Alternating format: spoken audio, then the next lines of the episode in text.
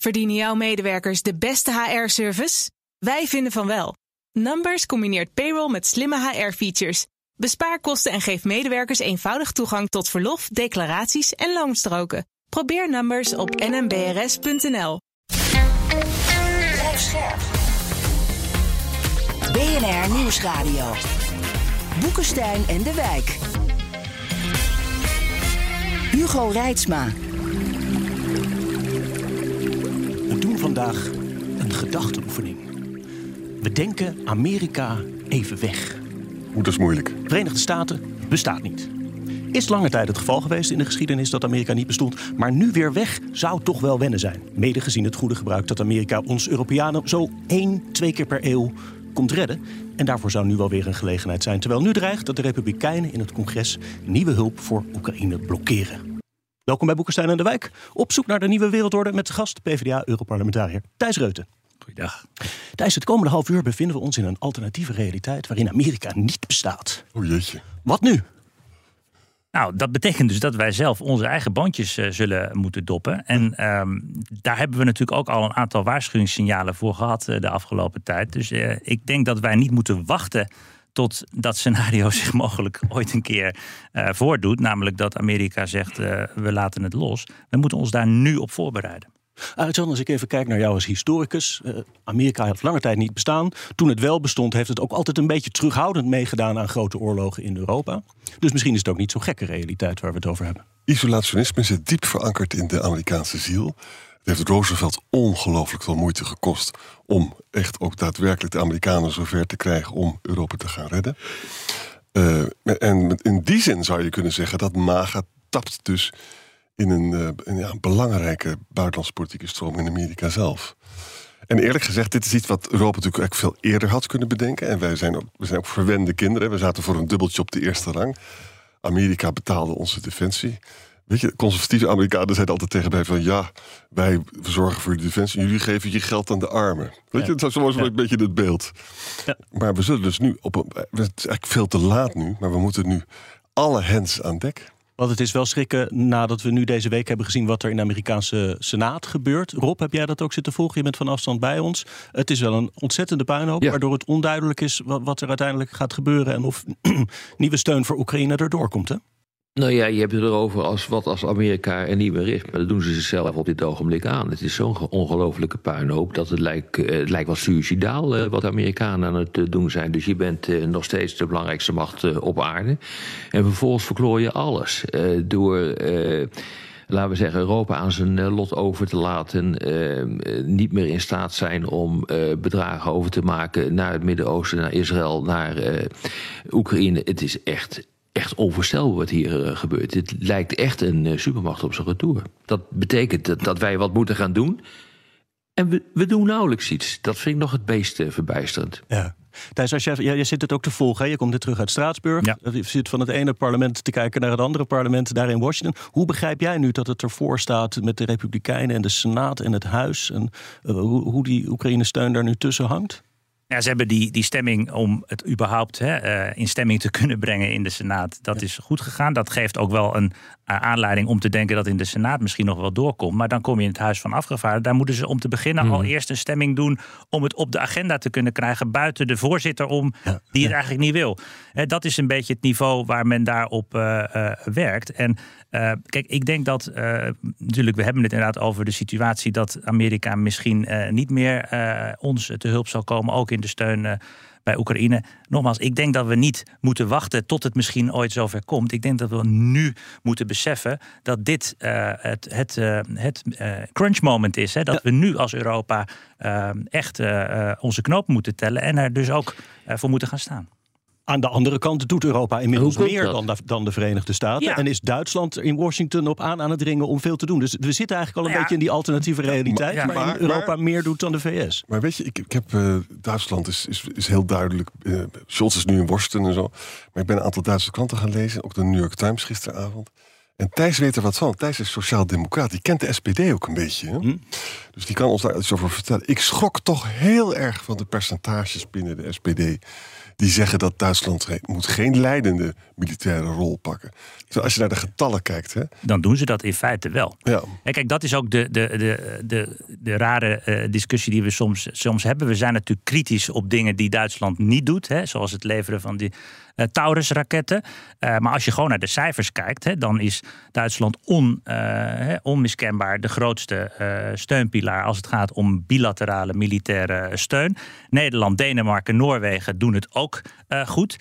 De kritiek, en die focuste zich ook in het Europees Parlement deze week heel erg op Spanje, Italië, Frankrijk. Die gewoon ontzettend achterblijven in bilaterale eh, militaire steun. Daar moeten gewoon nog eh, genoeg eh, voorraden zijn die we gewoon eigenlijk naar Oekraïne zouden moeten, moeten, moeten brengen. En het punt over ja, de discussie die wij ook met Duitse collega's hebben.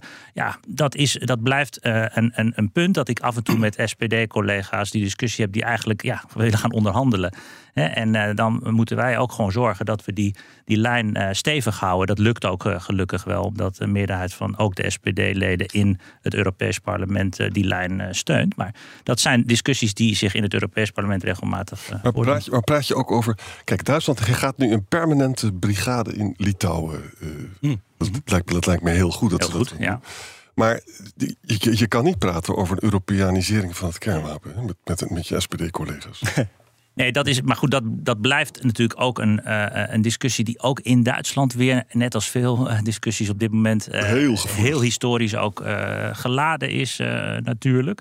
Ehm, dus ja, dat, dat, dat is. ehm, ik denk dat we ook misschien daar weer niet al te veel energie in moeten steken. Het gaat natuurlijk om het grotere geheel. Het gaat ook om afgelopen eh, week in Straatsburg weer een overgrote meerderheid van het Europees Parlement. die nog steeds op de, op de, eh, op de voorste rij eh, zit als het gaat om die steun Oekraïne. Ik, ik heb dat vanaf het begin gezegd toen die oorlog begon. Het was in april, anderhalve maand na de, de start van de Russische agresieoorlog, dat het Europees Parlement zei: we moeten stoppen met energie kopen van Rusland. Het Europees Parlement zei that in juni 22 al: we moeten die tanks eh, eh, gaan leveren. Daar doen de lidstaten volgens nog een half jaar aan. Dus wij hebben steeds voorop gelopen daarin.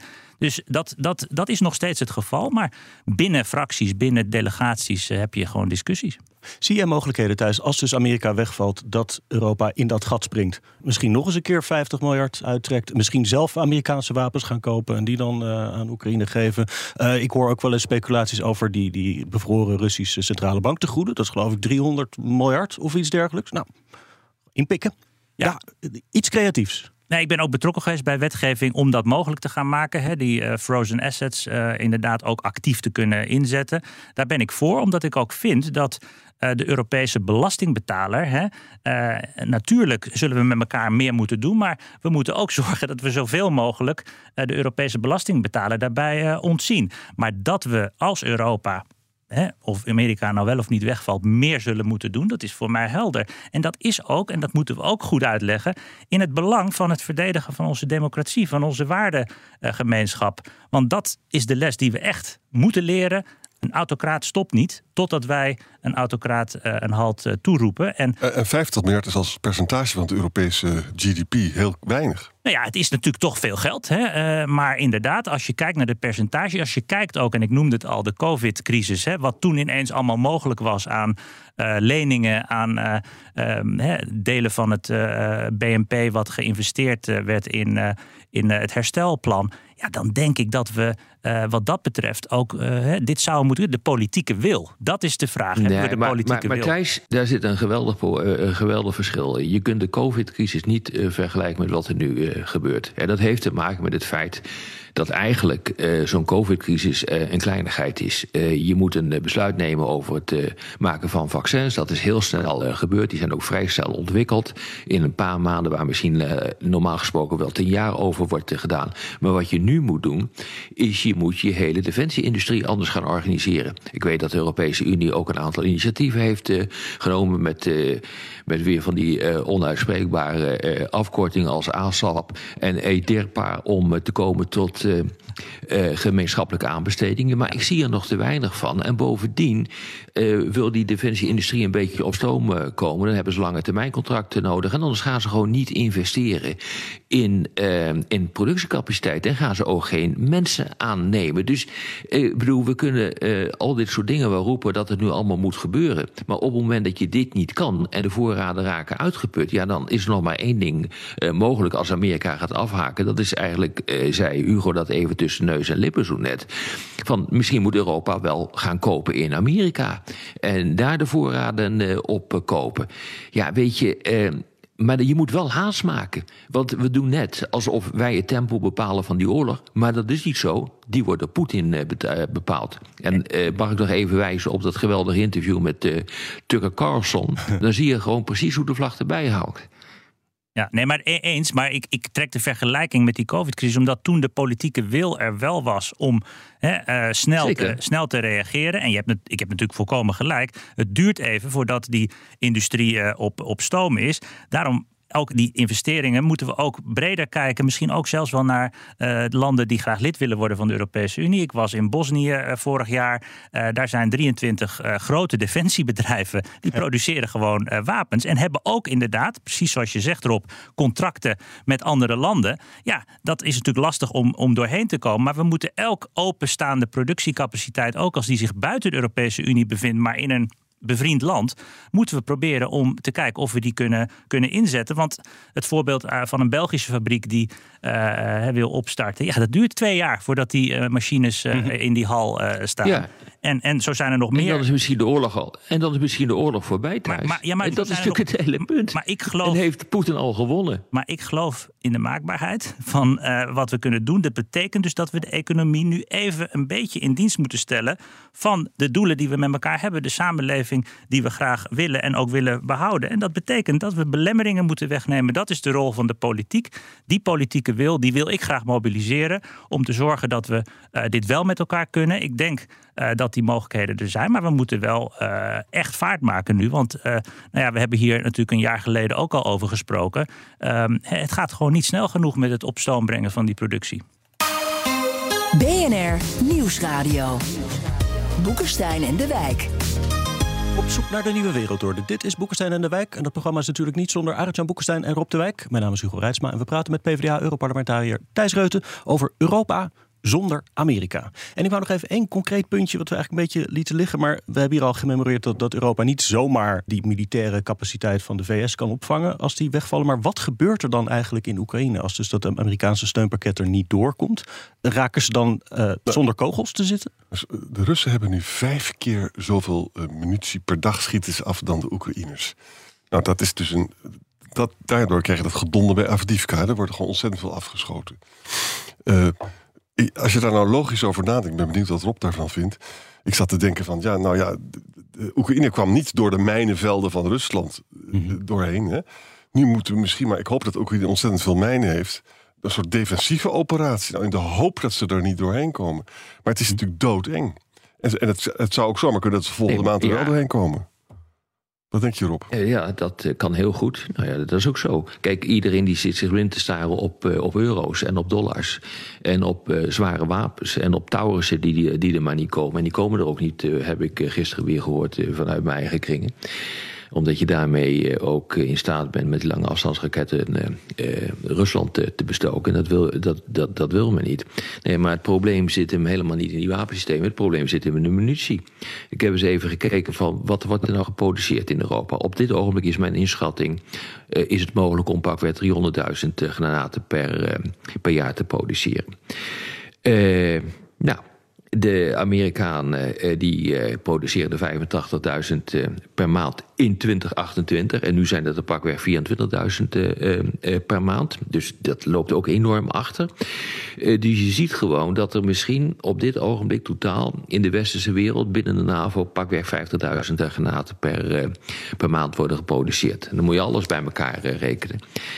Een deel daarvan heb je nodig voor het aanvullen van je eigen voorraden. De rest kan uh, naar Oekraïne. Nou, als je 10.000 uh, granaten per dag afschiet, nou, dat is ongeveer uh, het, het, tempo waarin dat normaal gesproken gebeurt. Het is nu teruggelopen in Oekraïne naar 1500, 2500 per dag. Dus eigenlijk niks. En dat verklaart ook waarom de situatie zo penibel is. Maar stel je voor dat je er 50.000 hebt. Dat is daar ben je in 50 dagen doorheen.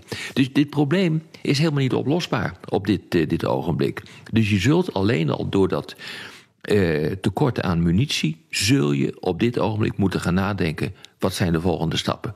En de Russen, precies wat je zei, Arend Jan, die schieten er nu pakweg 10.000 per dag uh, af. Ja, dat is een overwicht. Dat kan je niet lang meer volhouden. En je kan niet compenseren door snel oplussen van je industriële capaciteit. En het, uh, het fabriceren van, uh, van bijvoorbeeld 155 mm granaten. Het, klinkt wat, het klinkt wat ingewikkeld misschien wat ik zeg. maar het enige wat ik daarmee wil zeggen is je schiet zoveel granaten af dat je dat dus gewoon niet meer met je industriële capaciteit kan bijbenen. Nu niet en in de toekomst niet. En, en dat betekent dus en dat het conflict op een of andere manier ten einde gaat komen. Ja, ja. Noord-Korea gaat 1 miljoen granaten. Ja, maar dus ik denk toch dat er nog een keer een, uh, een, een uiterste poging moet worden gedaan om te kijken van welke van die contracten met landen uh, kun, je, kun je nog af. Hè. De pro totale productie is namelijk wel 650.000, maar zit heel voor een heel groot deel vast in, uh, in contracten met andere landen. En ja, ja. om te kijken naar wat er nog in voorraden in bijvoorbeeld die landen die achterblijven, zoals Griekenland, Italië, Frankrijk en Spanje is. Ook die voorraden ben ik helemaal met je eens erop moeten worden aangevuld hè, op een gegeven moment. Want je kunt niet aan de gang blijven met uit de voorraden putten. Maar dan hebben we en de commissie. Nee, je kan jezelf niet meer verdedigen. Nee, maar de Europese Commissie komt uh, eind februari met een uh, strategie om die investeringen in die defensieindustrie uh, hè, beter te maken. Want da ook daar klopt het. Hè. Je moet natuurlijk ook dan lange termijn contracten hebben. Europa zal moeten garanderen dat als er een nieuwe fabriek komt, dat die ook over tien jaar hè, nog levensvatbaar is. Dus daar moeten we dan mee ja. aan het werk. Maar we moeten nu ook kijken wat we nog uit die voorraden kunnen schrapen. En misschien met die Eens. contracten. Het is allemaal te weinig. En dat betekent dus dat dit conflict op een gegeven moment komt het ten einde, omdat er gewoon onvoldoende munitie is. Dat is het hele punt ja, op ja, dit maar, ogenblik. Maar nog even ook het over, is niet het wapensysteem. Ja, maar ook over die andere capaciteiten. Ook dat heb ik deze week in het Europees Parlement gezegd. Ik begrijp niet waarom we het acceptabel vinden dat Rusland door kan gaan met vanuit posities. Uh, ook uh, buiten Oekraïne, natuurlijk in Rusland, uh, uh, Oekraïnse steden te bestoken. Maar we onze bondgenoot Oekraïne niet de mogelijkheid willen geven om gericht, uiteraard met goede wapens die wij wel hebben, die gericht die posities kunnen, kunnen raken om ook die posities te neutraliseren. Want we blijven op die manier toch achter de feiten aanlopen. En ik ben het ook eens met jou Rob dat er geen gamechangers zijn. Dat is het luchtwapen niet, dat zijn die F-16's niet, dat zijn die raketten ook niet. Maar alles bij elkaar uh, moeten we gewoon meer doen om Oekraïne in staat te stellen om zichzelf te verdedigen en om dit te winnen. Want dat is in ons belang. Thijs, daarmee zit je met een geweldig probleem. Hè? Ik, ik kan de redenering volgen. Uh, het idee is dat als je dit gaat doen, uh, namelijk met westerse wapens, uh, Russische doelen bestoken, dan is de kans op escalatie groter. En dan kan je dus in een oorlog komen met, met, met Rusland. Terwijl jouw eigen munitievoorraden, ja, daarvan is de bodem in zicht. Dus je, je moet je dus wel realiseren wat de gevolgen daarvan zijn en wat je dan in zo'n situatie kan doen. Ik bedoel, een, een, een, een, een, een strateeg.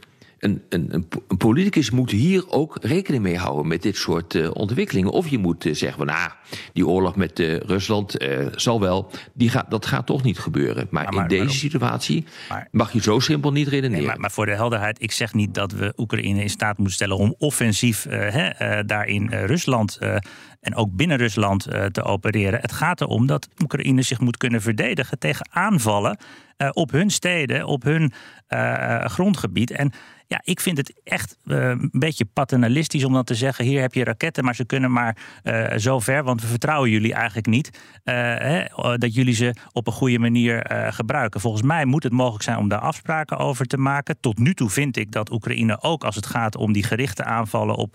Uh, in, in, de Krim en op uh, uh, richting de Zwarte Zee, dat eigenlijk vrij precies doet. en ik denk dat je daar toch afspraken over zult moeten maken. Ja. Maar nou, is het, is het niet zo dat Biden. Niet, dat kan je niet. Even één punt, Arend Jan. Dat kan je niet, omdat wat voor de een defensief is, voor de ander offensief is. Dus daar kan je geen afspraken over maken. Omdat offensief en defensief laten zich niet definiëren. Is het eigenlijk niet zo, jongens, dat zowel Biden als Scholz ook met name, die willen helemaal niet dat uh, Oekraïne wint. Die willen gewoon dat er onder, onderhandeld gaat worden. En ze gebruiken ook dit, uh, deze, deze wapenasymmetrie daarvoor. Wat natuurlijk ook weer gevaarlijk is, hè, want als, ook als, als Rusland wint, dan heeft het geen prikkel. Maar het lijkt er toch ook, ook, ook al die artikelen die ik over Scholz weer lag gisteravond, van, dat is ook echt een man die wil gaan onderhandelen. Die wil dolgraag gaan. En Macron natuurlijk ook. Ja, ja ik, ik vind dat dus echt een hele defetistische uh, houding. Uh, als ik mij dat mag uh, permitteren. Hè. Het, het, het, raakt ook een beetje aan dat interview wat Carlson had met Poetin dus. Hè. waarin mm -hmm. Poetin ook plomp verloren natuurlijk weer zegt. Hè, dat is zijn vaste punt. Als het Westen nou stopt met wapens leveren, dan is het binnen een paar weken voorbij. Ja, daarmee bedoelt hij natuurlijk. Dan kan ik inderdaad daar overheen walsen. En dat is weer precies dezelfde talking points die je notabene ook in Nederland vanuit de hoek van de PVV en Forum ja. voor Democratie hoort. Dat betekent dus dat we opgeven het idee dat een soeverein land gewoon kan worden aangevallen en kan worden uh, ingenomen. Dat kunnen we niet accepteren. Als we dat doen, dan zijn straks misschien wel EU-lidstaten, zoals de Baltische Staten, uh, de volgende op het menu. Ik ben het helemaal met je eens, maar ik, ik wil gewoon analyseren hoe het ja. feitelijk eigenlijk is. En feitelijk is, is het gewoon een hele andere werkelijkheid die ertoe leidt dat of uh, Rusland nog meer gaat pakken, of dat er inderdaad uh, gaat worden onderhandeld, omdat ze gewoon niet meer kunnen knallen, om het zo maar eens even te zeggen. En dat eerlijk gezegd, dat ook mm. een aantal mensen dat daar ook op aansturen. Vanaf dat eerste worstend postartikel van Biden. Hè, ik wil ze een sterke positie aan de onderhandelingstafel ja, geven. Maar dat, dat klopt, doordat wij namelijk al te lang uh, precies Oekraïne geven wat nodig is om niet te verliezen. In plaats van dat we doen, en dat hebben we dus zelf in de hand. Want hoe eerder we ermee beginnen om hun te geven wat ze nodig hebben om te winnen. En om, om daar eh, ook, ook nog weer met al die instrumenten waarvan ik weet dat ze lastig zijn en ook soms niet altijd effectief. Maar er kan ook nog meer in uh, economische zin met uh, sancties. Als je ziet hoe ongelooflijk labbekakkerig ook de lidstaten opereren als het gaat om handhaving van die sancties. Het is werkelijk nou ja, om te huilen soms als je ziet hoe, hoe slap en ook misschien wel bewust slap hè, om het eigen bedrijfsleven nog weer een beetje te beschermen Europese lidstaten opereren. Ben bang dat het. Ja, maar er is toch nog een ander punt hoor. Want, en dat heeft te maken met het mandkrachtprobleem. Ja. Uh, we mogen niet vergeten dat uh, de, het reservoir in uh, Rusland oneindig veel groter is dan in Oekraïne. Ja. Daar zie je dus nu ook dat het ongelooflijk moeilijk is om een half miljoen extra mensen op te roepen. In, in, in, in, in Rusland is dat niet het geval.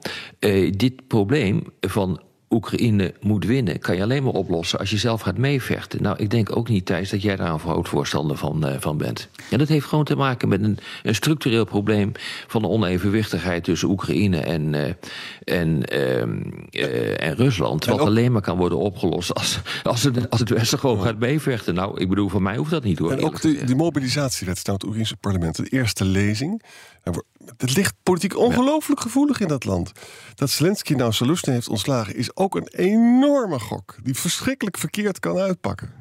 Ja, maar volgens mij is de volgorde dus wel gewoon dat Oekraïne en alleen Oekraïne en eh, president Zelensky beslissen hè, over wanneer dat moment uh, er is. En tot die tijd vind ik dat wij moeten doen wat wij kunnen en niet net genoeg om uh, te zorgen dat het uh, niet tot een onmiddellijke nederlaag leidt want het is uiteindelijk aan de Oekraïners om dat te doen. Dat, dat vind ik dus ook het slechte van Europese leiders of Amerikaanse leiders. die menen te kunnen bepalen wanneer dat moment van onderhandeling is. Het zijn de Oekraïners die vechten op het slagveld en sterven op het slagveld voor uh, onze waarden en onze democratie. Ja, ik vind het mooi om te zien thuis hoe je probeert de focus te houden op wat er wel kan. Maar dat is nog niet zo makkelijk in dit programma. Nee. Op de Radio Ronde en in de podcast gaan we langer door met luisteraarsvragen. Luistert u op de radio, dan verwijs ik naar boekensteinendewijk.nl of uw favoriete podcast app. Maar eerst even dit. Verdienen jouw medewerkers de beste HR-service? Wij vinden van wel. Numbers combineert payroll met slimme HR-features. Bespaar kosten en geef medewerkers eenvoudig toegang tot verlof, declaraties en loonstroken. Probeer Numbers op nmbrs.nl. Een berichtje van Odido Business. Hoe groot je bedrijf ook is of wordt, bij Odido Business zijn we er voor je. Met unlimited data en bellen en met supersnel en stabiel zakelijk internet. Ook via glasvezel. Ontdek wat er allemaal kan op odido.nl slash business. Het kan ook zo.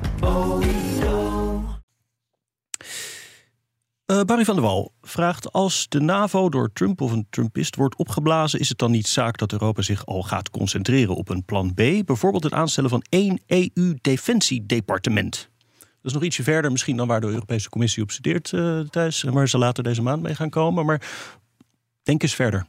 Ja, dat was later deze maand meegekomen. gaat vooral over investeringen in de defensieindustrie. Maar ik ben uh, inderdaad voor een uh, Europese uh, veiligheidspoot. Dat is wat mij betreft onder een NAVO-paraplu. Maar Europa moet collectief, dus niet meer in 27 uh, partjes, maar collectief meer verantwoordelijkheid nemen voor het organiseren van de eigen veiligheid. En dat, uh, ja, dat is een proces waar we al heel lang over praten, uh, maar wat maar niet van de grond komt. En ik ben echt voorbij de fase dat we het dan moeten hebben over mag je dat dan wel of niet een leger noemen. Hmm. Dat interesseert mij niet. Het moeten Europees inzetbare eenheden zijn. Het moet pooling zijn van spullen. Het moet niet allemaal 27 keer je eigen spullen organiseren, maar dat afstemmen en samen doen.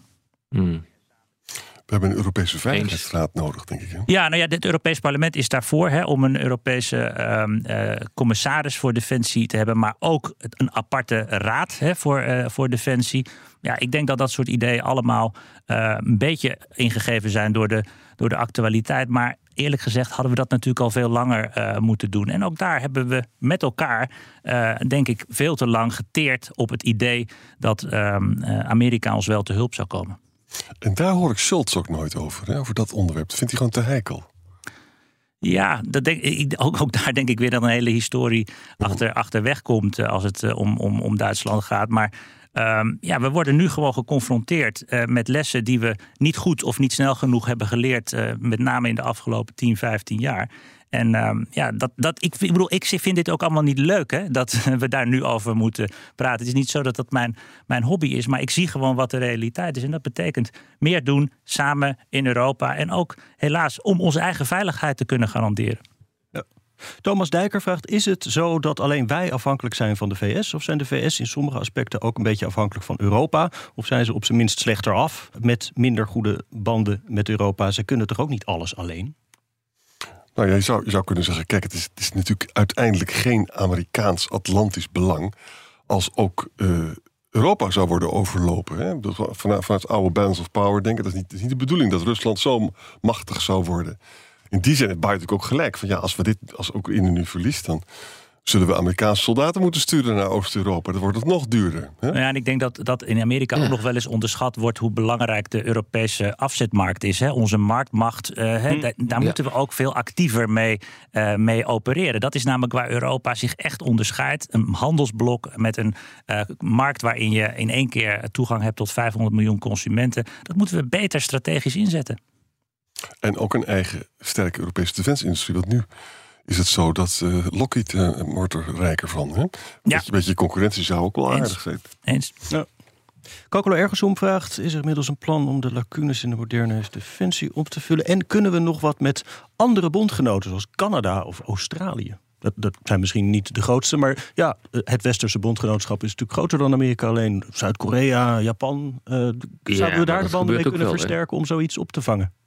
Nou ja, dat kan ook wel. Het gebeurt ook wel. De Amerikanen en de Britten die hebben het Augustpact gesloten. Het gaat over nucleaire onderzeeërs. Uh, er zijn allerlei uh, relaties ook binnen de NAVO. Ook met Australië, ook met Korea, ook met... en Canada is lid van de NAVO. Dus nee, dat, dat, dat, dat gebeurt ook wel. Nee, het probleem zit hem gewoon in in hoe bouw je de defensieindustrie op en hoe doe je dat ontzettend snel en hoe bouw je met name je munitieindustrie op en hoe, je dat, hoe doe je dat nog veel sneller. Ja, voor de, voor... Dus dat, uh, ja, en, dat, en, en het is een faseprobleem. Uiteindelijk lukt het ook wel, en daar ben ik het ook wel met, uh, met Thijs eens, dat dat uh, uiteindelijk kan. En uh, omdat ook wel nu het idee bestaat dat het moet.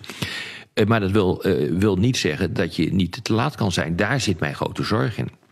En voor die bredere, het bredere verhaal denk ik zeker dat die andere gelijkgestemde landen in de wereld uh, misschien uh, ook, ook ja. uh, een, een oplossing kunnen zijn. Maar voor het Europese probleem, namelijk Oekraïne, is gewoon Europa is gewoon ons continent. Ja, daar kunnen we, vind ik, ook gewoon niet van vragen hè, dat we zeggen: Australië, uh, Zuid-Korea, Japan, kom, uh, kom ook even helpen. Wij moeten leren dat wij, als wij inderdaad, wat de Europese Commissie zei in 2019, een geopolitieke commissie willen zijn, hè, die, die ook kijkt naar de bredere wereld en de veiligheid om ons heen, zorg in de eerste plaats dat je in je eigen continent de zaken op orde hebt. En dat betekent dus zorgen hè, dat Oekraïne niet overlopen wordt, maar ook dat je landen zoals in de westelijke Balkan niet ten prooi laat vallen mhm. aan, uh, aan diezelfde Poetin. Ja.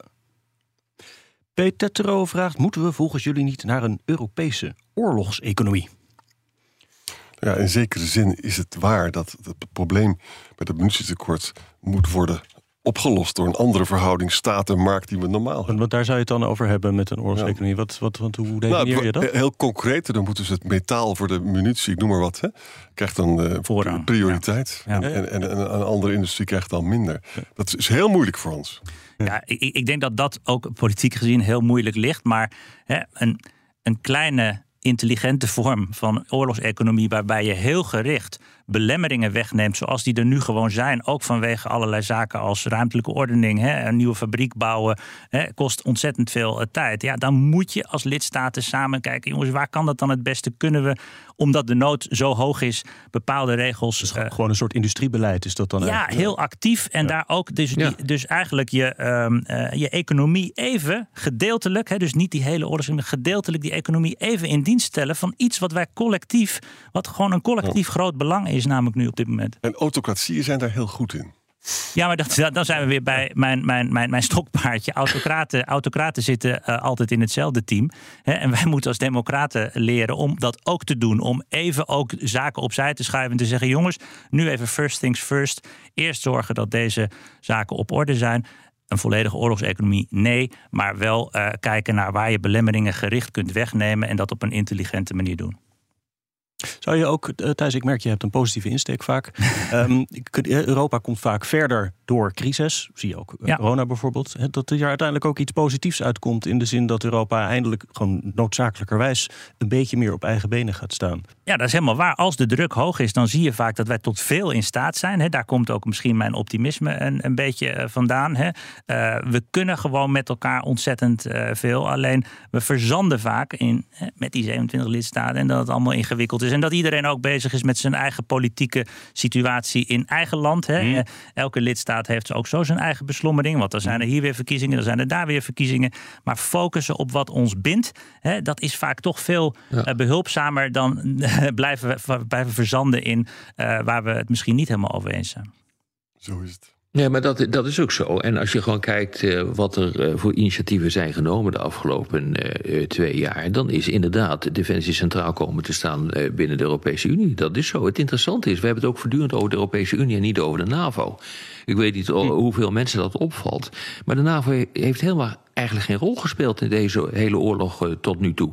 De discussies tijdens de topontmoeting die gaan over, eh, laten we zeggen, de uitbreiding van de NAVO, over Finland, over Zweden. Eh, dat is wat het is. De, de NAVO houdt zich bezig met niet-dodelijke steun, zoals dat in het jargon heet. Dus geen wapenleveranties. Dat, dat gebeurt Via de EU. Ja. nou, niet door de Europese Unie, maar daar kan je in ieder geval je bonnetjes inleveren Nee, maar en- als, het, eh, als het nodig is. En voor de- voor Hè, de- dus er gebeurt echt heel veel. E- Eens. En voor de maar fijn, het gaat te langzaam. en voor de fijnproever, er zijn ook niet-NAVO-lidstaten die wel lid zijn van de Europese Unie, die nu ook stapjes zetten. En zelfs het neutrale Zwitserland Zeker. hè, zet stapjes om te zeggen: ja, hoor eens, dit is wel zo overduidelijk een collectief belang van ons op het Europese continent, dat we daar stappen in eh, moeten zetten. Dat zijn, nou ja, eh, kleine lichtpuntjes hè, in een eh, eh, misschien wat somber verhaal.